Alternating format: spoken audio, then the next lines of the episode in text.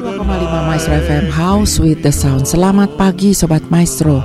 Selamat berjumpa kembali pada hari ini Minggu tanggal 14 Ag uh, Agustus 2022 Saya Missy Anggriani kembali menemani Sobat Maestro di mana pun berada.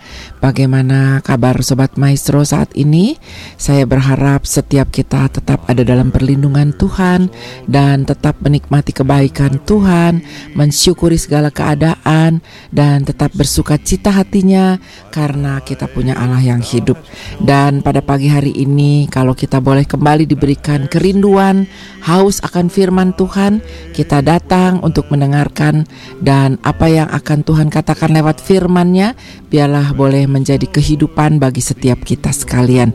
Baiklah sobat maestro, kita siapkan satu ayat saja yang akan saya ambil dari kisah para rasul pasal 20 ayat 24. Kisah para Rasul pasal 20 ayat 24 kita siapkan bersama-sama dan mari kita minta pimpinan Tuhan terlebih dahulu di dalam doa. Mari kita berdoa.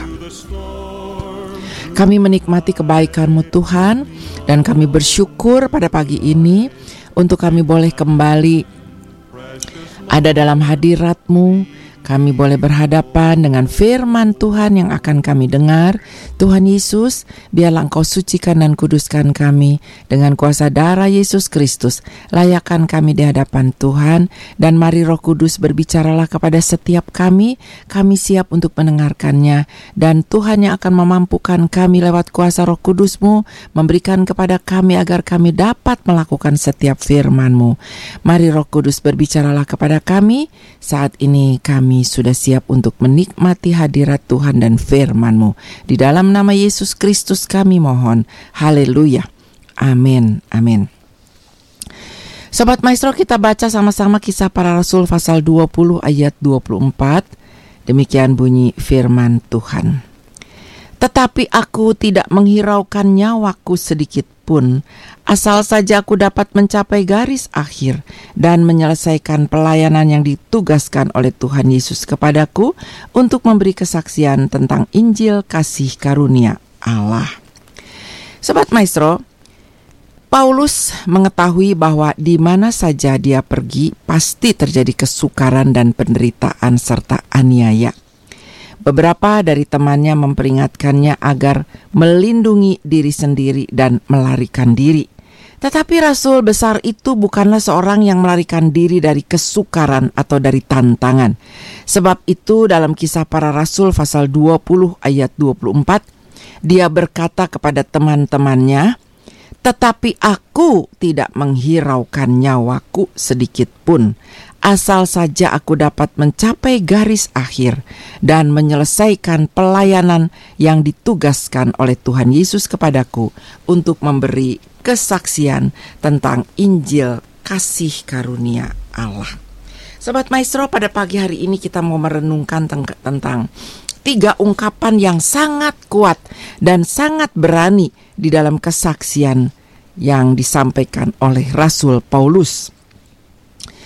Ada kata-kata atau tiga kata yang luar biasa yang boleh kita akan renungkan bersama dari kisah para rasul 20 ayat 24. Yang pertama, nyawaku atau hidupku. Yang kedua, tugasku. Dan yang ketiga, pelayananku. Sobat Maestro, mari pada saat ini kita mau perhatikan satu persatu dan kita mau mencoba mengetahui beberapa rahasia keberanian dari Rasul Paulus serta bagaimana penyerahan hidupnya. Dan saya percaya buat setiap kita juga rindu untuk hidup kita menjadi berkat dan kita tahu apa tugas kita serta apa yang kita lakukan di dalam aktivitas dan juga pelayanan yang kita berikan lewat hidup kita. Ungkapan pertama adalah nyawaku atau hidupku. Dikatakan sobat maestro, tetapi aku, Rasul Paulus, tidak mengindahkan nyawaku. Sobat maestro, ada di antara kita yang tidak mengindahkan nyawa kita atau hidup kita. Saya kira semua kita pasti sangat menyayangi nyawa kita dan hidup kita, mengindahkan, memperhatikan nyawa kita ya. Tetapi di ungkapan yang pertama ini yang akan kita renungkan dari Rasul Paulus. Dia mengatakan, "Tetapi aku tidak mengindahkan nyawaku." Sobat Maestro, Rasul Paulus belajar kebenaran ini dari Tuhan Yesus Kristus. Mungkin kalau Sobat Maestro masih ingat Tuhan Yesus pernah berkata kepada murid-muridnya, Siapa yang memelihara nyawanya, dia akan kehilangan nyawa. Dan siapa yang kehilangan nyawanya oleh karena aku, dia akan mendapat nyawa. Itu ditulis dalam Matius 10 ayat 39.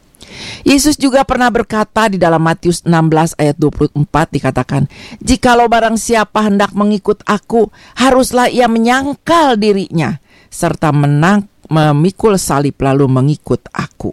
Sobat Maestro, hidup kita ini adalah pemberian Allah, sebuah anugerah. Dan di dalam Dia, di dalam Yesus Kristus, kita hidup, kita bergerak, dan kita juga memiliki jiwa. Sebelum kita lahir, Allah itu sudah mengenal kita dan sudah punya satu tujuan untuk hidup kita. Talenta-talenta, kepandaian, keinginan, kekuatan, bahkan kelemahan kita, semuanya itu adalah bagian dari rencana ilahi. Allah menciptakan dan menyelamatkan kita, dan kita harus sadar bahwa kita mm, yang kita miliki ini baik jasmani maupun rohani itu merupakan pemberian Allah. Oleh sebab itu sobat maestro, Rasul Paulus tidak menahan pemberian itu dengan uh, untuk dirinya sendiri. Kalau kita mungkin ya kita masih kalau belum terbuka, kita yang memelihara nyawa, memelihara diri kita, kita sangat konsentrasi kepada diri kita. Kita sangat menahan apa yang mm, tidak baik untuk diri kita dan kita sangat memperhatikan diri kita. Tapi Rasul Paulus tidak menahan pemberian kehidupannya itu untuk dirinya sendiri. Dia memberikan dirinya kembali kepada Allah supaya dipergunakan untuk kemuliaan Tuhan Yesus Kristus. Dia berkata, "Tetapi aku tidak mengindahkan nyawaku berharga." Ini ada satu prinsip di dalam kehidupan rohani yang mengatakan apa yang Anda tahankan, Anda akan kehilangan. Dan apa yang Anda berikan, Anda akan memiliki selamanya. Sobat Maestro, kalau kita beranggapan bahwa hidup ini berharga untuk diri kita sendiri dan kemudian kita melindungi kepentingan kita sendiri serta menimang-nimangnya, maka Sobat Maestro, kita tidak akan pernah hidup sesungguhnya. Tetapi kalau kita menyerahkan hidup kita kepada Tuhan dan membiarkan Tuhan memeriksa hidup kita, maka kita akan menikmati hidup berkelimpahan. Sobat Maestro, orang-orang yang hanya ingat pada dirinya sendiri adalah orang yang tidak bahagia.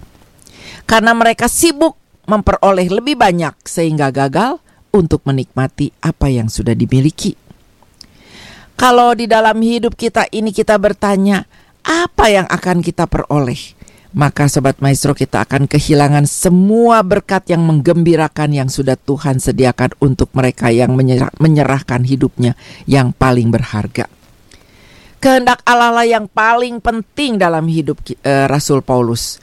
Dia menulis kepada orang Kristen di Galatia dalam Galatia 2 ayat 20. Tetapi bukan lagi aku sendiri yang hidup, melainkan Kristus yang hidup di dalamku. Sobat Maestro, hidup Rasul Paulus bukanlah merupakan barang perhiasan yang harus dijaga.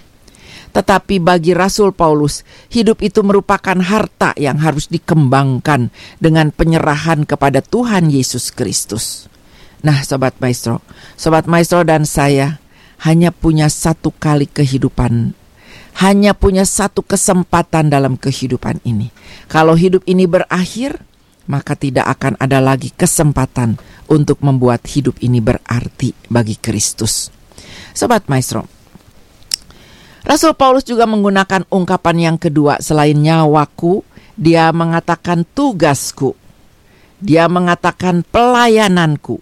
Dia berkata, "Tetapi aku tidak menghiraukan nyawaku sedikit pun asal saja aku dapat mencapai garis akhir dan menyelesaikan pelayanan yang ditugaskan oleh Tuhan Yesus kepadaku untuk memberi kesaksian tentang Injil kasih karunia Allah." Sobat Maestro, kata garis akhir menggambarkan suatu perlombaan yang di dalamnya Rasul Paulus adalah so, salah seorang pelari. Paulus sering menggunakan gambaran perlombaan atletik di dalam surat-suratnya dan inilah salah satunya. Tentu Paulus sering melihat pertandingan atletik di kota-kota di Yunani dan hal itulah yang memberikan gambaran bahkan inspirasi kepadanya tentang kebenaran di dalam hidup kekristenan. Sobat Maestro, tidak ada seorang pun yang boleh bertanding di dalam perlombaan di Yunani kalau bukan warga Yunani. Demikian juga tidak ada seorang pun dapat berlomba dalam perlombaan kekristenan kecuali dia adalah anak Allah, warga kerajaan sorga. Apabila kita memberikan hati kita kepada Tuhan Yesus Kristus, dia menyelamatkan dan mengambil kita dari jalan yang lebar menuju kematian. Dia menempatkan kita pada jalan yang sempit yang menuju sorga. Dan dia menugaskan satu jalan pada jalanan itu dalam Filipi 3 dan Ibrani 12, Allah menyamakan kehidupan orang Kristen itu sebagai suatu perlombaan dan menugaskan tiap pelari Kristen pada garisnya sendiri. Yang penting ialah kita harus taat kepada peraturan. Tetapi sobat maestro, lari untuk memperoleh hadiah, kita harus tetap lari dan tetap lari untuk memperoleh hadiahnya dan uh, terus berada pada garis yang sudah ditentukan. Kalau kita berbuat demikian Sobat Maestro, maka Allah akan memberi hadiah untuk kita pada akhir perjalanan. Tetapi kalau kita gagal berlari seperti yang sudah ditentukan, maka kita akan kehilangan hadiah sorgawi itu. Apa sebabnya kita tidak lari dalam perlombaan yang seharusnya?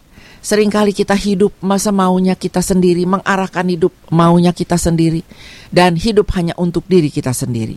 Sobat Maestro, ada kalanya kita melalaikan latihan.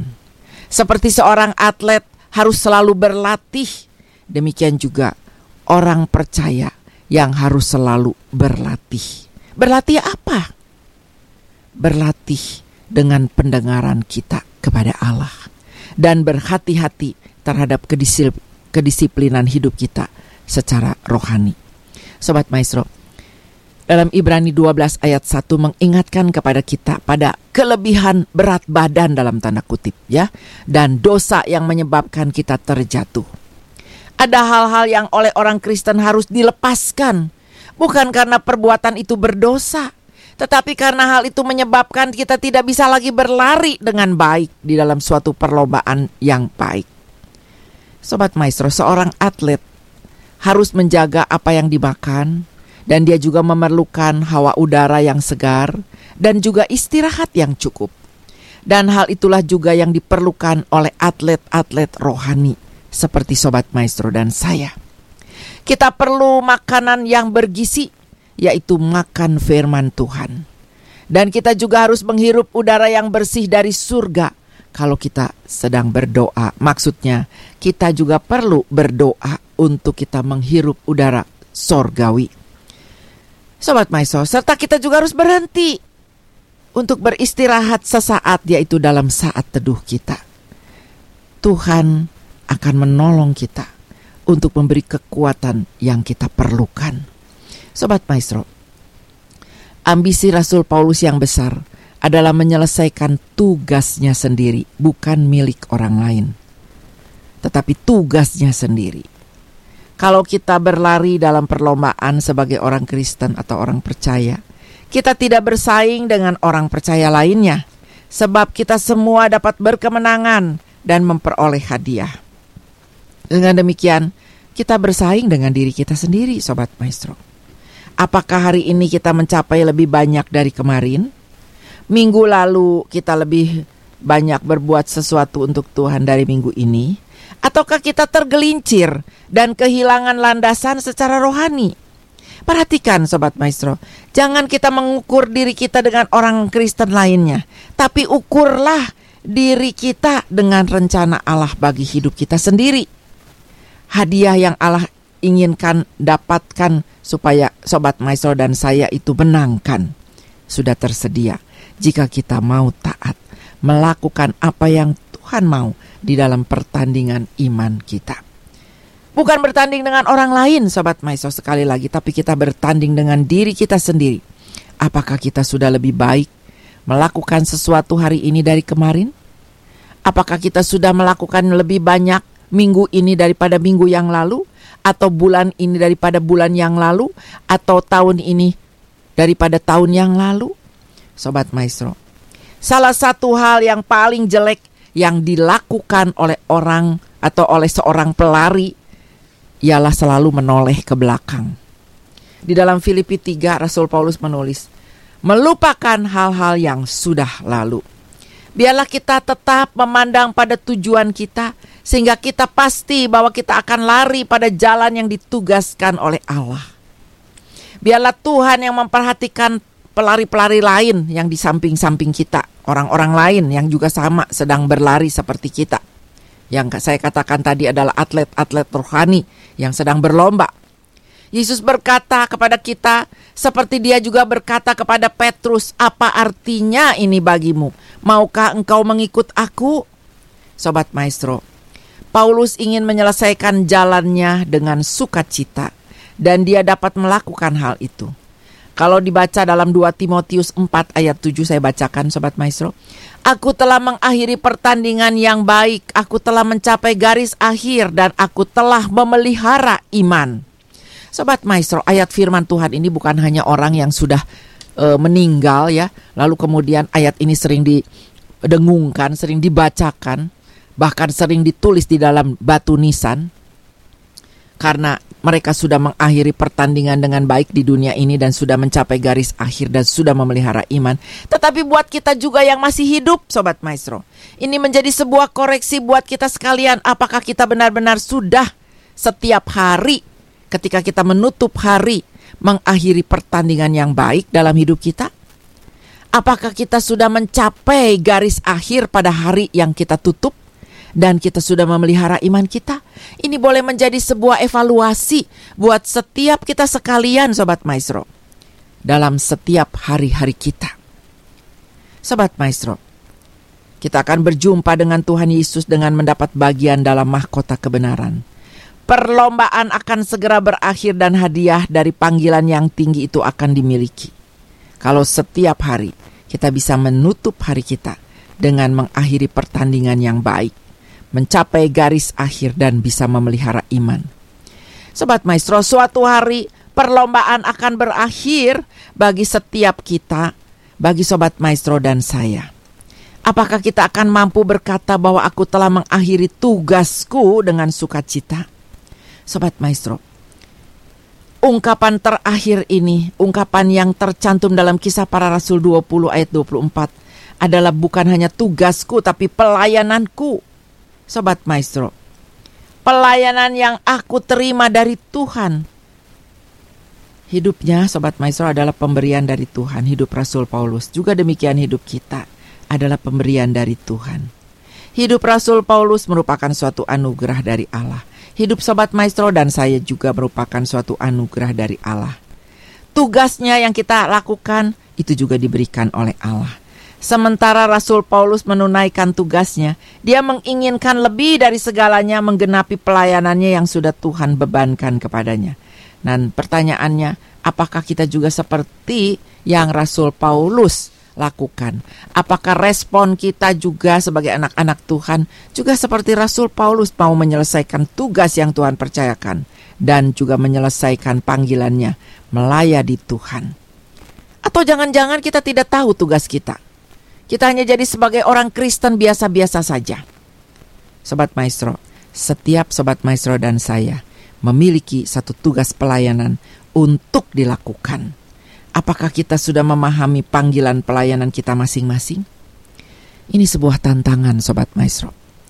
Paulus sudah menulis kepada pemuda Timotius, tunaikanlah tugas pelayananmu, dikatakan dalam 2 Timotius 4 ayat 5. Arti harafiahnya adalah tunaikan pelayananmu, genapilah dalam pekerjaanmu perkara-perkara yang sudah Allah bebankan kepadamu. Sobat Maestro, setiap kita ini punya pelayanan kudus yaitu pelayanan yang khusus dari Tuhan yang tidak dapat dilakukan oleh orang lain bagi kita. Dan ini merupakan pelayanan setiap pribadi kita yang sudah Tuhan tentukan bagi kita. Dan kita harus bertanggung jawab untuk menyelesaikannya bagi kemuliaannya. Kita tidak boleh iri hati terhadap pelayanan orang lain. Sebab pekerjaan yang Tuhan telah berikan kepada kita itu sama pentingnya di dalam pandangan Tuhan. Sobat Maestro, mungkin ada yang berkata, aduh saya nggak bisa apa-apa ya, saya nggak bisa berkhotbah, saya nggak bisa memberitakan Injil lewat uh, mulut saya, tapi lewat perbuatan kan kita bisa ya sobat maestro. Aduh saya nggak nggak bisa pergi-pergi keluar, saya hanya di rumah saja karena so saya seorang yang lanjut usia, yang sudah tidak bisa punya kekuatan untuk pergi melayani, melayani di gereja, melayani di persekutuan dan lain sebagainya. Sobat maestro, sebagai orang yang mungkin hanya diam di rumah saja, mungkin sudah lanjut usia, sobat maestro masih dipakai oleh Tuhan untuk memberitakan kabar baik lewat doa kita. Bagaimana kita mendoakan pekerjaan Tuhan. Sobat Maestro, saya menyaksikan seorang yang luar biasa yang dia benar-benar sebenarnya saya merasa dia hidupnya sudah tidak dapat lagi melakukan sesuatu karena dia tinggal di sebuah tempat uh, yang ya yang saya katakan dia harus da ada dalam pemulihan karena depresi, karena stres.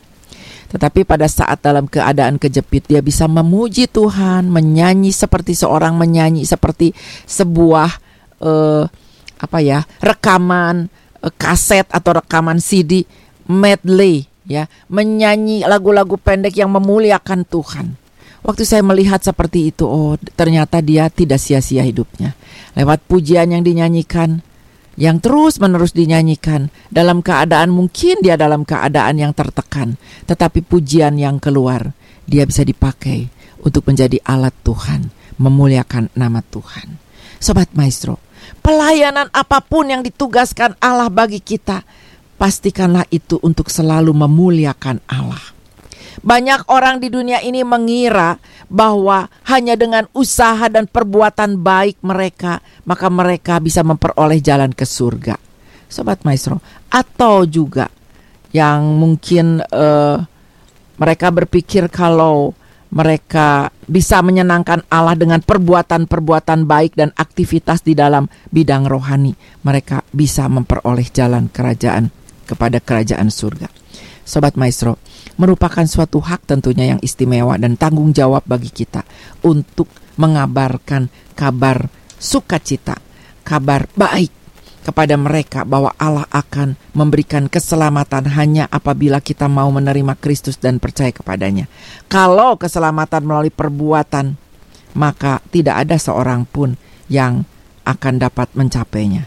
Sekali lagi, kalau keselamatan itu hanya melalui perbuatan kita, tentu tidak ada seorang pun yang dapat mencapainya. Tetapi kalau kita boleh melayan kita dengan perbuatan kita dan kita juga percaya kepada Yesus Kristus, kabar sukacita itu bisa kita lakukan, kita bisa aplikasikan, kita bisa nyatakan lewat kehidupan kita bahwa keselamatan itu hanya ada di dalam Yesus Kristus. Dan kita percaya lalu orang lain juga melihat hidup kita maka kita boleh menjadi orang yang hidupnya, tugasnya, pelayanannya bisa diberikan kepada kemuliaan Tuhan dan menarik banyak orang datang kepada Tuhan Yesus. Itu yang dilakukan oleh uh, oleh Rasul Paulus sobat maestro. Hidupku katanya, tugasku, pelayananku adalah baik bagi kita sobat maestro seperti Rasul Paulus mengulangi tiga ungkapan itu sebagai awal setiap hari. Dan sebab itu baik yang kita katakan hidupku, tugasku, pelayananku akan membantu kita untuk mendaftar pengalaman-pengalaman rohani kita menjadi kesaksian yang hidup bagi kemuliaan nama Tuhan. Sobat Maestro, apakah kita menganggap hidup kita ini hanya untuk diri kita sendiri? Atau apakah kita menyerahkan hidup kita ini kepada Kristus hanya untuk keselamatan diri kita sendiri? Apakah kita sedang menunaikan tugas yang telah Allah bebankan kepada kita? Apakah kita sudah juga selanjutnya menggenapi pelayanan yang Tuhan percayakan kepada kita? Sobat Maestro, apa pun masalah yang sedang kita hadapi sekarang, mari berserahlah kepada Yesus Kristus. Serahkan hidup kita kepadanya. Biarkan dia melakukan kehendaknya yang sempurna dalam hidup dan tugas kita, serta pelayanan kita. Saya percaya hidup kita akan sangat berarti dan Tuhan memberkati kita sekalian.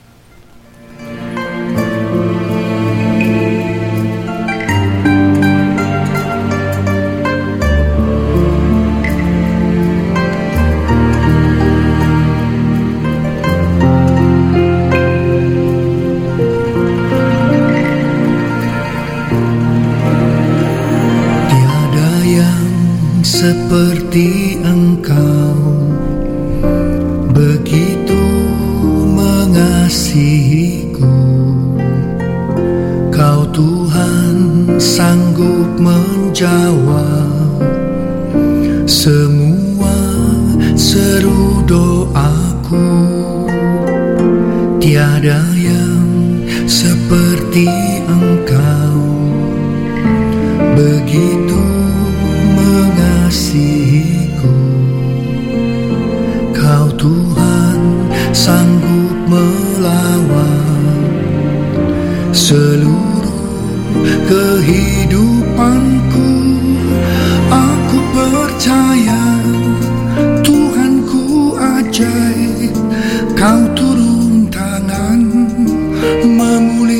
Memulihkanku.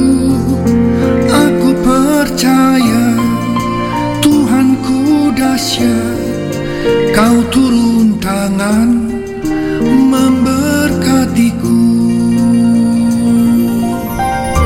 Sobat Maestro, bagaimana kita dapat berjalan terus dalam kehidupan ini? Dalam hidup kita, tugas kita, dan pelayanan kita sebagai anak-anak Tuhan. Mari Sobat Maestro mungkin ada yang letih lesu, berbeban berat, tidak sanggup lagi berjalan sendiri ke depan, apalagi melakukan tugas pelayanan. Sobat Maestro mari kita bersama-sama ingat apa yang dilakukan oleh Rasul Paulus dan juga Tuhan Yesus terlebih lagi. Ketika dia melayani, ketika dia datang ke dalam dunia ini, hidupnya diserahkan untuk setiap orang yang berdosa supaya kita beroleh keselamatan.